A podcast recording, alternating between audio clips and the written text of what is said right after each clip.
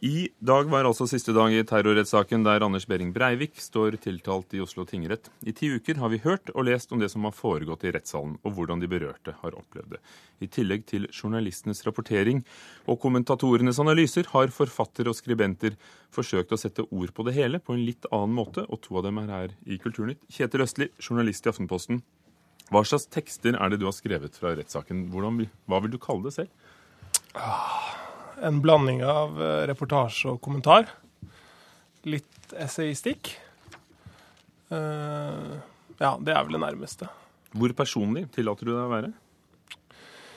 Jeg tillater meg å være uh, personlig på den måten at jeg prøver å gi tilbake til leseren den følelsen jeg selv har hatt av å sitte der. Med det mener jeg ikke at jeg forteller mye om mitt eget liv. Men jeg prøver altså å reprodusere det jeg føler og det jeg ser. Og det kan man jo si er, eh, blir personlig når det lykkes. Erika Fatland, forfatter og antropolog. Du skriver for Dag og Tid hver uke fra rettssaken, men har også planer om en bok. Og du kommer rett fra tingretten i dag, du også. Hvor personlig er du? I boken er det jo rom for å være mer personlig. Der har jeg jo mer plass. Eh, I disse kommentarene jeg har skrevet i Dag og Tid, så har jeg hatt maksimum 4000 tegn til rådighet. Så jeg har vært litt misunnelig på Kjetil Østli, som har hatt så mye mer plass enn jeg har hatt. Og da er det jo litt mer begrensa hvor personlig man kan bli. Men jeg har prøvd å bringe litt forskjellige perspektiver hver uke.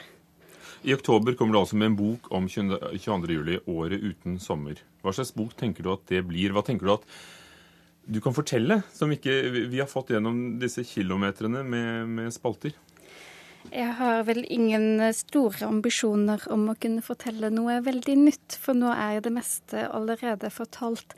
Men det man kan gjøre i en bok som man ikke kan gjøre i en avis f.eks., er å gå mye dypere inn i ting og sette disse mange ulike, veldig dramatiske historiene inn i en litt større sammenheng.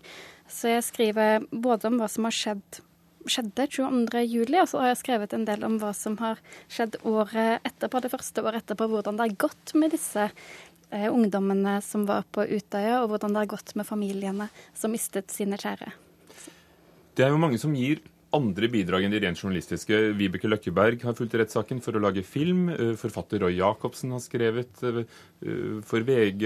Journalist og forfatter Åsne Seierstad følger rettssaken. Hva tenker du, Kjetil Østli, du kan bidra med?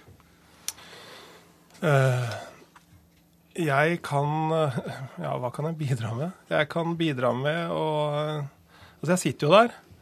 Jeg er et, eh, et vitne til, eller et av mange vitner til de i denne retten. Og det jeg forsøker på, er å at Så store ting som de fortelles om inni denne rettssalen, være seg frykt, savn, sorg, så tenker jeg at mitt bidrag er å rett og slett ikke trivialisere det. Uh, løfte det opp, uh, holde litt på det, og gjenskape det så godt som mulig uh, for leseren. Og det er også sånn, et forsøk på å motvirke glemsel. at ting glemmes jo sakte, men sikkert. Plutselig så er det to uker med psykiatri, og så er følelsen i bakgrunnen. Så jeg har også i nesten alle sakene så har jeg også prøvd å ta med noen uh, fæle detaljer. Uh, og det er ikke fordi jeg er spesielt spekulativ, men det er rett og slett for å prøve å motvirke glemsel. At folk husker hele tiden. Ja, nå snakker vi om psykiatri, men her er noen detaljer som viser kjernen i denne saken. Og så prøver jeg ja, også lage bilder som gjør at folk kan både se det, så, se det for seg, det som har foregått, og forhåpentlig føle det. Noe av det.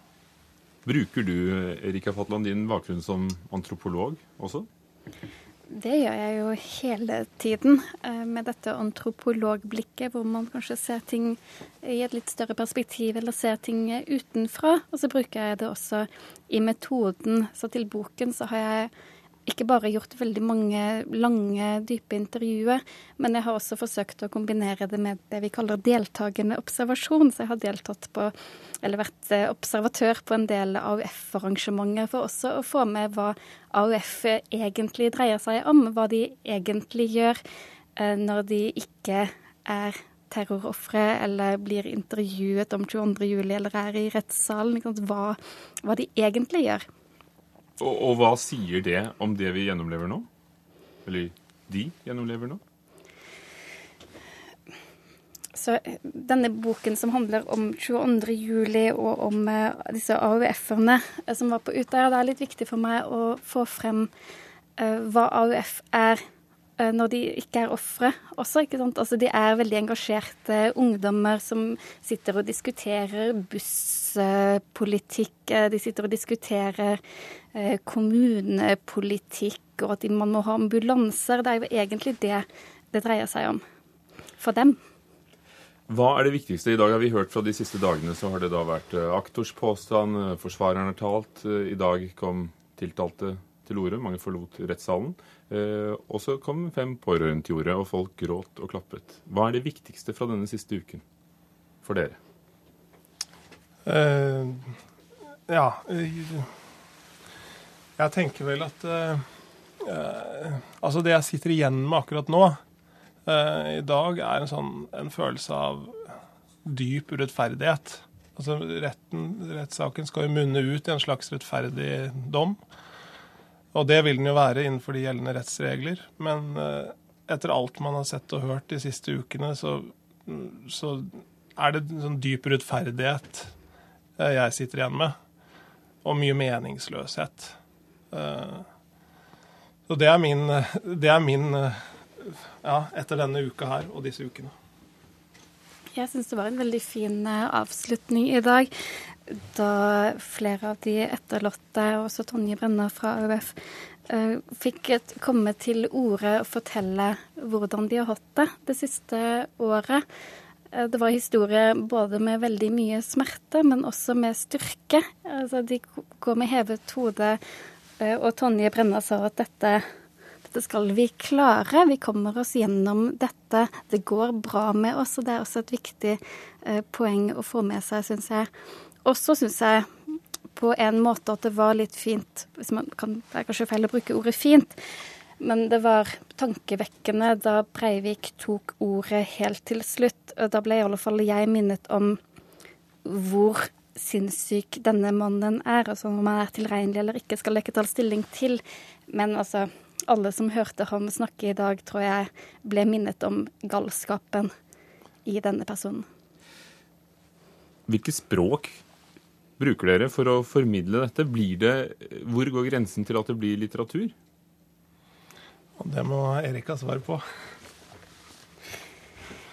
Jeg... Ja, hvorfor må hun det? Hvorfor kan ikke du også svare på det, Kjetil Ja, nå tenkte Jeg at hun, jeg tenkte å sno meg unna ettersom hun drev på med en bok akkurat nå. Uh, nei, altså uh, Hvilket språk bruker du? Uh, på sitt beste så er jo journalistikk også litteratur. Og jeg prøver jo, når jeg er på mitt beste, å nærme meg litteratur. Altså da ikke skjønnlitteratur, men altså basert på fakta. Uh, og så bommer jeg innimellom. Og det er ofte når jeg bruker for når det blir for synlig, altså jeg bruker for stort språk for at det nesten blir synlig at jeg nærmer, prøver å nærme meg liksom, litteratur. Uh, I bunn og grunn så prøver jeg å finne de Det er så store ting de forteller om i denne rettssaken. Så jeg prøver å finne de så små ord som mulig. Leter konstant etter sånn bitte små ord. Fordi leseren vet utmerket godt hva som gjemmer seg bak de ordene, når man kjenner den historien. Erika Fatland, du har også skrevet om terrortragedien i Beslan tidligere. Ja, og det var jo samme problematikk som jeg egentlig sitter med nå, og som Kjetil Østli var inne på, at det er så sterke historier eh, som handler om ting som vi andre ikke kan forestille oss engang. Uansett hvor hardt vi prøver, så forstår vi ikke hvordan det var. Og da tenker jeg at min oppgave er ikke å forsøke å overgå disse historiene med masse adjektiver og store ord, men heller tone ned språket fordi disse historiene er så sterke i seg selv at det holder å bare la dem komme frem. Din bok 'År uten sommer' kommer senere i år. Kjetil Løsli, skal du skrive mer når rettssaken nå er ferdig? Det kommer jeg nok til å gjøre. Jeg tror ikke, selv om jeg skal på sommerferie i dag, tror jeg ikke jeg klarer å la dette bare være. Men uh, bok uh, er jeg usikker på. Takk skal dere ha, Kjetil Østli fra Aftenposten og Erika Fatland, forfatter og skribent for Dag og Tid.